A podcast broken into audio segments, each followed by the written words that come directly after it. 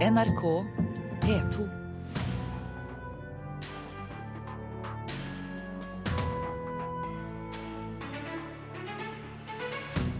Cappelen Dam blir klaget inn til Konkurransetilsynet. E-bokhandel får ikke selge bøker fra forlaget. Jødisk kulturfestival i Trondheim frykter Gaza-konflikten vil gi publikumssvikt. Og Henrik Wergeland står opp fra de døde på Riksteatret for å fortelle nålevende nordmenn hva det vil si å være norsk. Om Wergeland lykkes, får du svar på snart her i Kulturnytt. Mitt navn er Thomas Alverstein Ove. Bokstrømmetjenesten eReads vil klage forlaget Cappelen Dam inn til Konkurransetilsynet for konkurransevridende atferd. eReads mener at forlaget bevisst unngår å gi tilgang til sine bøker til strømmetjenesten. Cappelen Dam frykter ikke klagen. Vi må ta de skrittene som, som er nødvendige for, at, for, for å få liksom, dette her på plass på en ordentlig måte. Anders Storbråten er oppgitt over at han ikke får selge Cappelen Dam sine bøker på strømmetjenesten si eReads. I fem år har han prøvd å få tilgang til forlaget sine bøker, uten å lykkes. Storbråten tror forlaget bevisst holder titlene sine tilbake. Vi er en aktør som tross alt har holdt på i fem år og, og ikke sluppet til. Eh, vi jobber med alle de store forlagene i hele verden. Vi sitter på katalogen til de største amerikanske engelske selskapene. Vi sitter på katalogene til de største nordiske eh, forlagene. Så jeg skjønner ikke helt hva som er greia her. Derfor vil Storbråten nå klage forlaget inn til Konkurransetilsynet for konkurransevridende åtferd. Ja, det vil vi selvfølgelig gjøre. Eh, som, en, av mulighetene, absolutt. Ja, hva det vil si, Vil dere gå til Konkurransetilsynet nå? Ja, vi har, altså, vi har, eh, vi har, ikke noe tid å miste, vi nå. Det at eh, vi skulle ønske å holde noen seriøse aktører utenom dette, blir helt absurd. Det sier forlagssjef i Cappelen Dam, Tom Harald Jensen. Han sier forlaget hadde samtaler med Storbråten i 2013, men at disse stranda bl.a. grunnet manglende informasjon fra eReads si side om rettene til bøkene. I tillegg så uh, har vi heller ikke fått en ordentlig beskrivelse av konseptet bøkene skal selges under. Og vi sitter også med mangelfulle informasjoner om e-reads, som omtales som et selskap, men er uten selskapsinformasjon i, i f.eks. Brønnøysundregistrene. Ennå kan det se ut som det vil ta tid før Anders Storbråten kan selge norske bøker på e-reads, men han har fremdeles trua. Dette burde egentlig være veldig grei skuring. Det handler om å levere bøker til en skikkelig måte for norske forfattere, slik at vi ikke blir eh, spist opp av den engelskspråklige litteraturen. Reporter her var eh, Lars Ivar Nordahl. Og Cappelen Dams egen strømmetjeneste Storytel, som ble lansert forrige uke, mister nå lydbøkene fra Samlaget. Nynorskforlaget mener Storytel ikke har lov å selge abonnement på lydbøker, slik strømmetjenesten legger opp til. Det skriver Dagens Næringsliv. I dag starter den jødiske kulturfestivalen i Trondheim. Men arrangørene er bekymret for at publikum svikter pga. Gaza-konflikten. De opplever at jøder i Europa blir holdt ansvarlig for Israels handlinger. Vi ønsker å vise frem den jødiske kulturen og tradisjonen, men representerer ikke Israel, sier Rita Abrahamsen. Hva svarte jeg da? Knekte egget? Rita Abrahamsen har et sort forkle på seg. Inn på kjøkkenet til kafeen i Muser har forberedelsene til helgas festival starta. Nei, nå skal jeg lage kneidel, heter det. Det er en slags melbolle til hønsesuppa. Norges eneste årlige jødiske kulturfestival arrangeres for fjerde år på rad i Trondheim. Men i år er arrangør Abrahamsen bekymra for publikumssvikt pga. krigen i Midtøsten. Det er klart det er en bekymring vi har. Men vi håper jo at, uh, at, vi tar feil. Eller at vi bekymrer oss uh, grunnløst. Det håper vi selvfølgelig. Hvorfor blir dere bekymra? Nei, det er jo fordi at en ofte, eller noen ganger ser at eh, det er mange, eller noen, som ikke greier helt å holde tunga beint i munnen. At vi som jøder i Europa kan bli holdt ansvarlig for Israels handlinger, da. Jeg tenker at det er en viktig påminning til uh, Trondheims befolkning. Det sier Wenche Åretun, leder for vennskapsforeninga Trondheim Ramallah, som tidligere i år arrangerte en støttekonsert for ofrene i Gaza. Hun mener den offentlige debatten ikke har klart å skille mellom stat og folk. Nei, det tror jeg ikke at vi, den har. fordi at eh, vi er nødt til å skille det som den israelske staten gjør, og de krigshandlingene de utfører, at det ansvaret ikke ligger på jøder verden over. Det må vi vokte oss vel for.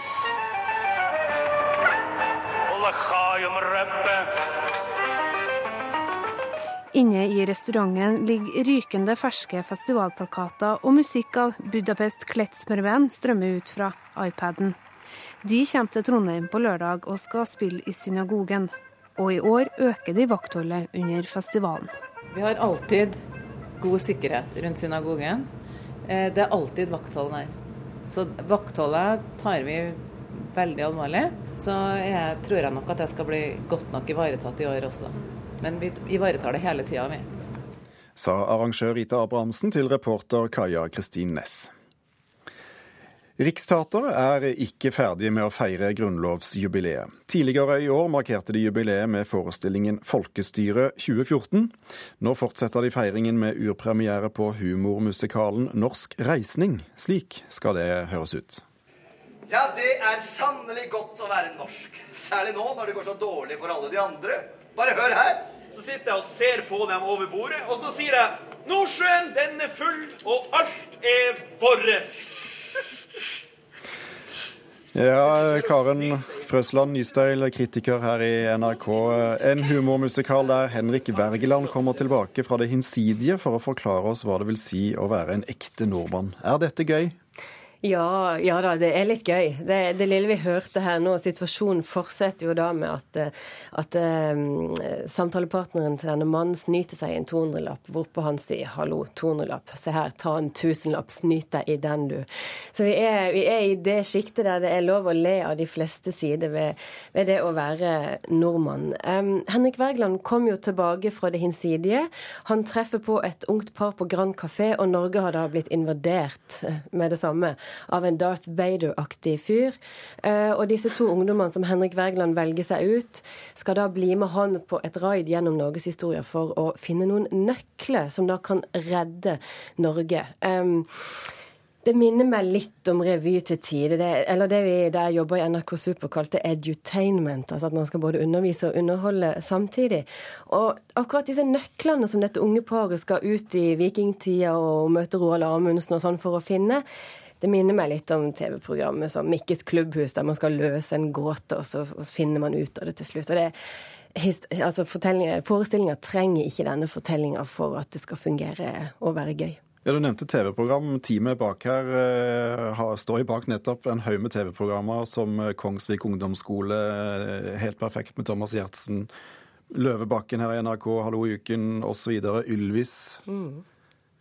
Ja, jeg mener fremdeles at de kunne lagt vekk akkurat det der lille detektivaspektet. For det har faktisk ikke så mye med historiefortellinga å gjøre. Vi, vi, kan fint loses gjennom norgeshistorien uten, uten det momentet der. For det er ikke så mye spenning knytta til det der. Godeste Wergeland, hvordan blir han fremstilt? Han er, han er, ganske kul. Han er en los i uh, tidsriktig kledd uh, med ukulele. Og han tar jo dette paret gjennom norgeshistorien og et utall sjangre sammen med et veldig presist og, og godt musikalsk ensemble. Um, jeg syns at de som bærer forestillinga her, er Theodor Jansson, som spiller Karl Johan på en kjempefin måte, og Elisabeth Moberg, som har flere gode roller, bl.a. en parodi på Sissel Kyrkjebø, som jeg aldri i mitt liv kommer til å glemme. Det, det gjorde kvelden for meg i går. Uh, det er lekent, og det er gøy, uh, men det er òg litt irriterende, for det er mye stereotypi her. og Vikingene blir jo bare framstilt som sånn langhåra barbarer som går rundt som apekatter og slår og volder voldtar. Og det samme med vår egen generasjon ungdommer. De defineres ut fra cupcakes, caffè latte og Facebook, og det er det. det. det. blir litt tynt for meg, akkurat den måten å framstille historier og, og min samtid på. Går det an å si kort hva Riksteatret vil med denne forestillingen? Du, De vil underholde og få deg til å le, og det klarer de i veldig stor grad. Ellen Horn, teatersjefen, ønsker jo òg at vi kanskje kan som publikummere se splinten eller flisen eller bjelken i våre egne øyne. Det veit jeg ikke om de helt får til. Det, Forestillinga ender som vanlig opp med en sånn norsk, normal enighet om at dette går jo bra, vi har det fint, ferdig, dette var gøy. Karen Frøsland Nysteil, tusen takk skal du ha. Og Norsk Reisning har altså premiere på Riksteatret. Første turnésted ut er Bodø på onsdag. Du hører på Nyhetsmorgen i NRK P2 og Alltid nyheter. Klokken den er 13 minutter over åtte, og dette er overskriftene nå. Fra nyttår kan boligselgere bli nødt til å betale opp mot 20 000 kroner for en ny og mer omfattende boligtakst. Regjeringen vil frata rektorene retten til å bestemme om barna skal sykle til skolen eller ikke. Nå skal foreldrene bestemme, men Trygg Trafikk er bekymret. 18 utenlandske IS-opprørere skal være drept i et syrisk luftangrep. Flere av de drepte skal ha vært sentrale lederskikkelser. Forfatter Gaute Heivold ga nylig ut sin syvende roman og sin femte barnebok. Men det som opptar Heivoll Heivold mest akkurat nå, likevel, er debuten som dramatiker i Kristiansand neste uke.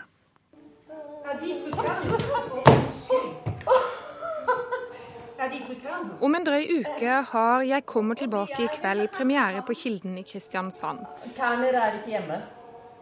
Stykket er Gaute Heivolds debut som dramatiker, og bygger videre på Heivolds roman 'Himmelarkivet' fra 2008. Stykket er jo har sitt forelegg i virkelige hendelser og virkelige personer, men det tar et steg til side for det, for det reelle.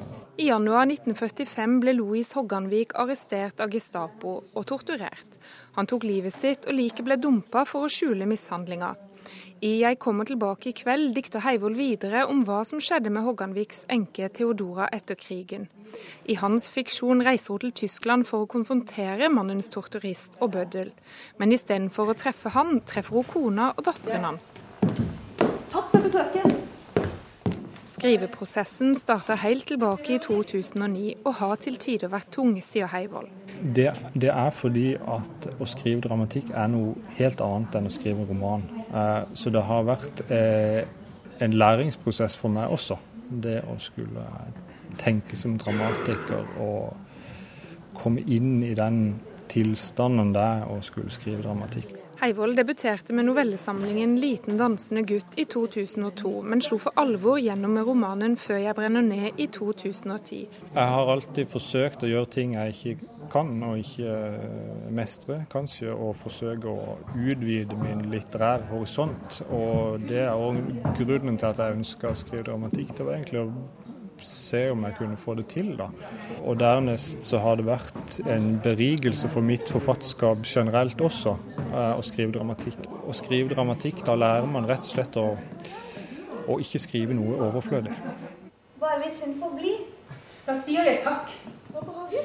Det er nesten som et kompositorisk eh, verk. altså Han har jo et fantastisk språk sier regissør Bodil Kvamme. Og han bruker jo språket, så språket i seg selv er jo nesten et klangbilde. Jeg er veldig stolt. 'Jeg kommer tilbake i kveld' er det siste stykket Ingrid Fortun setter opp som teatersjef i Agder Teater, før hun fratrer stillingen 1.11. Det er særlig spesielt å avslutte med, med Gaute Heivås' debut som dramatiker. Eh, det er jo en av våre absolutt eh, beste romanforfattere, og nå skriver han også for scenen. Og jeg håper at det kommer mer fra Gaute Eivold i framtiden.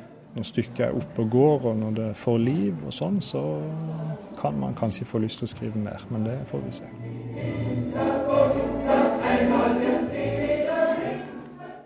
Og Jeg kommer tilbake i kveld har premiere på Kilden i Kristiansand neste fredag. Reporter var Miriam Grov. Og dermed har eh, Fredagspanelet tatt plass i studio. Inger Merete Hobbelstad, kommentator i Dagbladet. Fotograf Christian Fredrik Wesenberg og forfatter Vetle Lid Larsen, god morgen. God morgen. Hei. TV-serien Mammon fikk lunken mottakelse da den gikk på TV her hjemme, men i går vant den to priser på Asias største prisutdeling for TV-serier. Mammon fikk pris for beste regi, og med prisen for også beste miniserie slo den dessuten amerikanske Homeland og britiske Sherlock. Har asiatene skjønt noe som norske kritikere ikke har skjønt? Ja eller nei, Vetle? Nei. Nei. Ja. Ja, så interessant. Hva har asiatene skjønt? Um, når, vi, når, jeg ser i hvert fall på um, film fra utlandet hvor de snakker uh, kinesisk eller japansk, så er det litt vanskelig å følge med. Så du følger med på akkurat uh, det språklige, for det har jeg ingen forutsetning for å bedømme annet enn å lese denne teksten under. Så det betyr at det visuelle er veldig viktig, og jeg tror at det, de, det vakre de har sett, er det visuelle i Mammon. Få spørre hva uh, asiatene har misforstått. da til Nei, altså Som en av de lunkne kritikerne den gang da, så må jeg stå fast med min dom da. Men altså, dette er jo selvfølgelig veldig hyggelig for mammaen. og det, er veldig, altså, det var jo det var jo en serie som hadde kvaliteter, og det er veldig hyggelig for dem at de kvalitetene blir anerkjent eh, på den måten. Eh, jeg tenker at det er noen eh, svakheter ved den serien som det er naturlig å plukke opp når du er norsk og har et fortrolig forhold til språket som snakkes, som kanskje er vanskeligere å få med seg når du kommer fra er en TV-serie en annen verdensdel. Selv reagerte jeg på at en del av karakterene var litt sånn stereotyper. altså Du så liksom type vestkantfruer i forhold til altså politikere, hvordan de var kledd, hvordan de snakket ordvalget osv. at jeg syns det var klisjéfylt. Tenker jeg du ikke har en, som forutsetning for å gjennomskue på samme måte når du er i en annen verdensdel. Det er sånn, også er sånn kulturelle nyanser som ikke helt lar seg oversette på samme måte.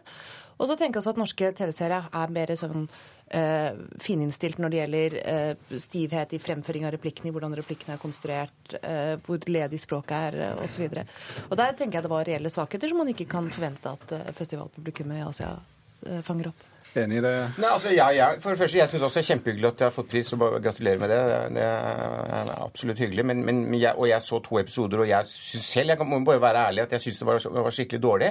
Sånn at, eh, og at jeg da etterpå liksom skulle bli mistenkeliggjort uh, sammen med andre som syntes det var dårlig, fordi at jeg da hadde en eller annen um, skade i, i hodet, nærmest, som det blir skrevet om i avisene, hvis man da mente det. Det syns jeg var litt rart. Så, så, jeg må bare si at her har nok kan hende kan, kan kan hende ble serien også mye bedre faktisk etter hvert. Det, det kan også godt hende. ikke sant? Men når det er sagt, jeg syns ikke vi skal henge så veldig opp i hele tiden priser her og priser der. Det finnes ufattelig mange priser, og mange ganger er priser eh, velfortjent, men like mange ganger så er de også veldig ufortjente. Det vet vi.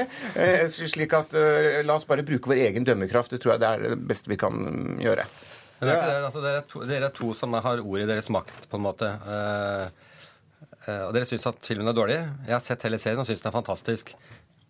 Er det fordi eh, du som fotograf ser på bildene, mens disse skrivende menneskene ser Det er mulig at vi, altså, vi, vi, har litteraturhus, men vi har ikke noe fotografihus i landet her vi, snakker, hvor vi kan snakke om det estetiske ved film, det visuelle ved film. Vi snakker hele tiden om innhold, når du, og når du hører en kritiker skriver, så er det sånn Oi, oi, oi. oi. Nå, nå, hvorfor du ikke, blir du ikke filmmanusforfatter selv, da? tenker jeg. Det er ofte når jeg hører kritikere sitte og skriver og er litt dyp i stemmen og snakker om uh, hvordan det burde ha vært. Ja, men nå kan vi ikke altså, sitte og vurdere én ting av en film. altså Selv om du er fotograf, hvis du da hadde vært rørlegger, så syns du det var veldig god rør der. Men, men en, en, kritiker skal jo på en måte vurdere helheten. Og jeg syns at de som skriver om, om, TV, stort sett skriver bra og forholder seg både til det estetiske og innholdsmessige. Jeg er sikker på at det var strålende foto der, uh, men det er på en måte uinteressant hvis ikke resten holder. Og, og, og, men hvorfor får den pris i Asia da? Ja, for, Nei, det, hvorfor får den det? Hvorfor får alt pris? Men, hvorfor fikk Titanic uh, Oscar? Men det jeg har lyst til å uh, bemerke til, det er at det å være filmskaper og det å være kritiker, det er to veldig forskjellige ting. Og det krever veldig forskjellige egenskaper og talenter og blikk. Altså det å lage noe, og det å analysere noe, og plukke det fra hverandre. Uh, det jeg kan si, altså nå spør jo folk iblant er kritikerne Jevnt over går jo kritikken motsatt, at kritikerne er for snille med, med norsk film. Uh, og Som kritiker så tenker jeg ofte som så at det er litt urettferdig å sammenligne norske TV-serier, norske filmer med det internasjonale. fordi det som kommer til oss fra internasjonalt, det har alltid vært gjennom en viss seleksjon. Uh, det vi får inn, det er enten det beste, uh, eller så er det det som en importør eller distributør har tro på at kan slå an. Mens i Norge så ser vi alt som produseres. Og det gjør at vi også ser masse ræl som på en måte aldri vil, vi aldri ville fått. Det er klart at den delen av produksjonen finnes i utlandet også. som bare, bare at vi ser det aldri. Og det tenker jeg kan gjøre at, at jevnt over at oppfatningen av norske TV-serier og filmer er litt strengere enn den kanskje burde vært. Vi må haste videre. Det er uh, mer krangling i kulturinstitusjoner enn i andre bedrifter, sa en styreekspert ved Handelshøyskolen til Kulturnytt denne uken. Ved Rock City i Namsos har krangelen vært komplett mellom styre og direktør i lang tid, og Nasjonalmuseet er et annet eksempel på sted med lang tradisjon for uenighet. Må det være litt ekstra bråk i kulturlivet for at kreativiteten skal blomstre? Nei. Ja. Nei. Hvorfor må det det? Eh, vel, jeg tror i alle fall det er naturlig at det blir sånn. For jeg tenker at hvis du har valgt eh, en kreativ eh, karriere, om du vil, altså at, valgt å bli enten bli eh, utøvende kunstner eller å jobbe med dem, eller du har vært og nå fått en administrativ stilling, så sier det litt om Eh, altså da, da, har man et forhold til på en måte kunstnerisk frihet, integritet, at det er viktig å verne om at ting blir som den enkelte skapende kraft har tenkt seg osv. Og, så eh, og det er klart at jo mer på en måte integritet man har, og jo mer aluminium der i ryggraden din, jo havner, du, så oftere havner du så klart i konflikter. Det tenker jeg bare er naturens lov, og den tror jeg ikke vi kan komme oss unna. Kreativiteten kan eh, tøyles?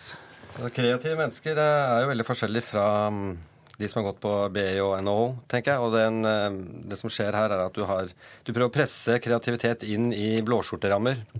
Og det funker ikke alltid. Og, Hva er løsningen da? Um, det er et godt spørsmål. Liggende i Rock City, f.eks.? Men det som er interessant med Rock City-saken, er jo det at eh, de har jo hatt en Altså, Åsmund Prytz, han er jo gammel punkebandgitarist i noe som heter Nullskattyterne leste jeg på nettet i går. Og så er han samtidig blitt eh, styreleder i Namsos Taxi, som i fjor ble eh, Ja, eh, de ble oppdaget for eh, juks, Skatte. ja, skattejuks med taksameterne. Jeg vet ikke han, han, Samtidig så har han klart å få Rock City til å gå med overskudd, og så vet vi ikke hvorfor de krangler. Nå, nå er det ikke pizza til å forsvare sine bedrifter, men altså, Generelt vil jeg si at det er ikke de kreative i kulturlivet som handler i styreposisjoner. Det er en, en, en ny eh, kaste av uh, kulturbyråkrater, veldig ofte, uh, som gjør det. Og hvorfor krangler man mer enn andre steder? For det første så tror jeg ikke man krangler mer enn andre steder, men man, man er bare mindre profesjonell til å løse det. Dette har næringslivet lært seg gjennom tiår på tiår.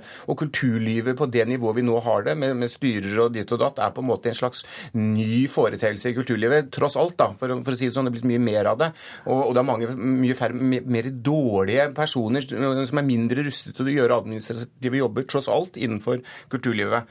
Ja, for eh, reklamebransjen greier jo å tjene penger og være kreative på en gang. I reklamebransjen så har du jo eh, de med blå skjorter som eh, er smarte og starter firmaene, og så ansetter de de kreative mennesker som har barnevaktpassere, altså prosjektledere som passer på at de gjør jobben sin barnepassere er uh, svaret. Ja, jeg, jeg, vokste altså opp i en, en tid hvor vi, jeg så liksom kulturlivet var sånn edelt, og de var liksom litt sånn mer høyverdige og fornuftige mennesker med innsikt og sånn. Men poenget er at det er like mye krangling og misunnelse og baktalelse og, og, dritt og lort i kulturlivet som andre steder. Ja, kanskje enda mer. Det er i hvert fall en deilig ting å oppleve. Jeg tror ikke kanskje de er mer høyverdige, men jeg tror helt klart de er stare. Uh, og det tror jeg kanskje er noe resultat vi ser nå. Vi eh, skal ta med oss siste tema. Kvinner som leser den pikante trilogien Fifty Shades, er oftere utsatt for både partnervold, spiseforstyrrelser og alkoholmisbruk, viser amerikansk forskning. Forskerne mener kvinner bør tenke seg om før de leser bøkene, fordi de normaliserer voldelige parforhold. Så bør bokhandlene begynne å forhåndssjekke kjøperne sine? Nei. Ja, kanskje det. Absolutt. Begynne med meg. Oh, dette er jeg så enig i. Eh, altså, jeg syns det innslaget var ganske provoserende, skal jeg være ærlig. Jeg tenker at Litt av grunnen til at det er den, akkurat den bokserien har en mer mangfoldig lesegruppe enn kanskje mange andre, er at den har nådd så voldsomt eh, vidt ut. Altså, Den har jo fått en utvidet leseskaren vanvittig sammenlignet med veldig mange andre eh, utgivelser. Eh, og hva angår at den og Med det forbeholdet, jeg har ikke lest den, altså. Eh, så jeg bare, Men alle har jo, Du skal jo ha bodd veldig sånn inni en tue for å ikke vite hva den handler om. Men, men altså det som, det, dette argumentet virker som det forutsetter altså et helt grunnleggende skille som ikke er der. altså Nemlig det helt fundamentale skillet mellom fantasi og virkelighet. Der vi alle veksler relativt enkelt. altså Dette er en fantasi, dette er ikke virkelighet. Dette er veldig lite med voldelig parforhold å gjøre. Det at noen liker å hengi seg til, eh, til eh, den tanken om å bli eh, ja, vi som ikke har lest den. Absolutt kontroll. Altså, på side 333 du tenker på der, ja, der, der, vi som ikke har lest den, der er det veldig Nei, nei jeg syns man må ha en slags type nå, en ordning med sertifikater. ikke sant? At Hvis du på en måte kvalifiserer til Ole Brumm, så har du på en måte på level 1 kan du lese på en måte uh, Gaute Heivold, ikke sant? så har du level 2, og så får du level 3.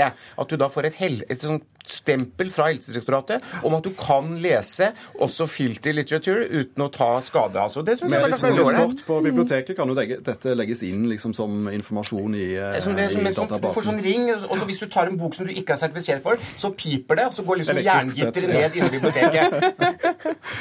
Så hvis du bokhandler, hvis du går i, bok, i, på Libris og spør etter uh, Nabokovs Lolita, så bør de ringe til politiet med en gang? Mm. Absolutt. Nesten sånn sa du da, kanskje? Hva sa du? Nesten sånn. Ja, altså, det som er interessant med den, den undersøkelsen, er at uh, de har spurt 650 studenter i Michigan mellom 18 og 24 år. Og Er noen av dere som har vært i Michigan? Nei, men vet du, det er helt jævlig der. Det er iskaldt. Altså, jeg har vært der. Det er helt forferdelig. Og Fifty Shades eh, kommer liksom fra eh, Seattle, og der er det jo litt varmere og litt hyggeligere. Og det er klart at Og så er, er det en annen ting at dine eh, i diagnose Hvordan du diagnostiserer eh, jeg, galskap eller folk i USA, er terskelen er lavere enn den er her til lands. Ha, du nevnte Lolita. Hadde man eh, foretatt lignende forskning på menns forhold til den boken? Det er klart at Man kan gjøre dette og komme veldig dårlig ut. eh, og Det er veldig mye interessant forskning, og dette er en av de mer interessante forskningsprosjektene jeg har hørt om. Det- det skulle vært Eh, det er veldig interessant- at vi får den forskningen vi bestiller hele tiden. Og når de da skal vise oss at videovold er farlig, så får de forskningsresultater som viser det. Og når det da ikke er farlig, så får vi forskningsresultater som viser det. Det viser bare at vi må ha ny forskning på forskningen. Og, du, og du sa at når du har en viss idé om verden, så klarer du å finne forskningsrapporten som bekrefter den ideen. Det lar seg alltids gjøre. Vi kunne jo kanskje rett og slett eh, lage en liten forskning på alle de menn som har lest eh, Agna Mykles Largo. For eksempel? Og sett eh, hva som skjer i det ganske land. Det var jo barnelitteratur da jeg vokste opp på landet. Med det får vi si tusen takk til eh, Fredagspanelet, som i dag besto av Christian Fredrik Wesenberg, Inger Merete Hobbelstad og Vetle Lid Larsen. Kulturnytt eh, har eh, i all hovedsak sagt sitt eh, denne uken. Denne sendingen var laget av produsent Halvor Haugen, teknisk ansvarlig Hanne Lunås, og her i studio satt eh, Thomas Alverstein Ove. Nyhetsmorgen fortsetter eh, hvert øyeblikk med Øystein Heggen. Hør flere podkaster på nrk.no podkast.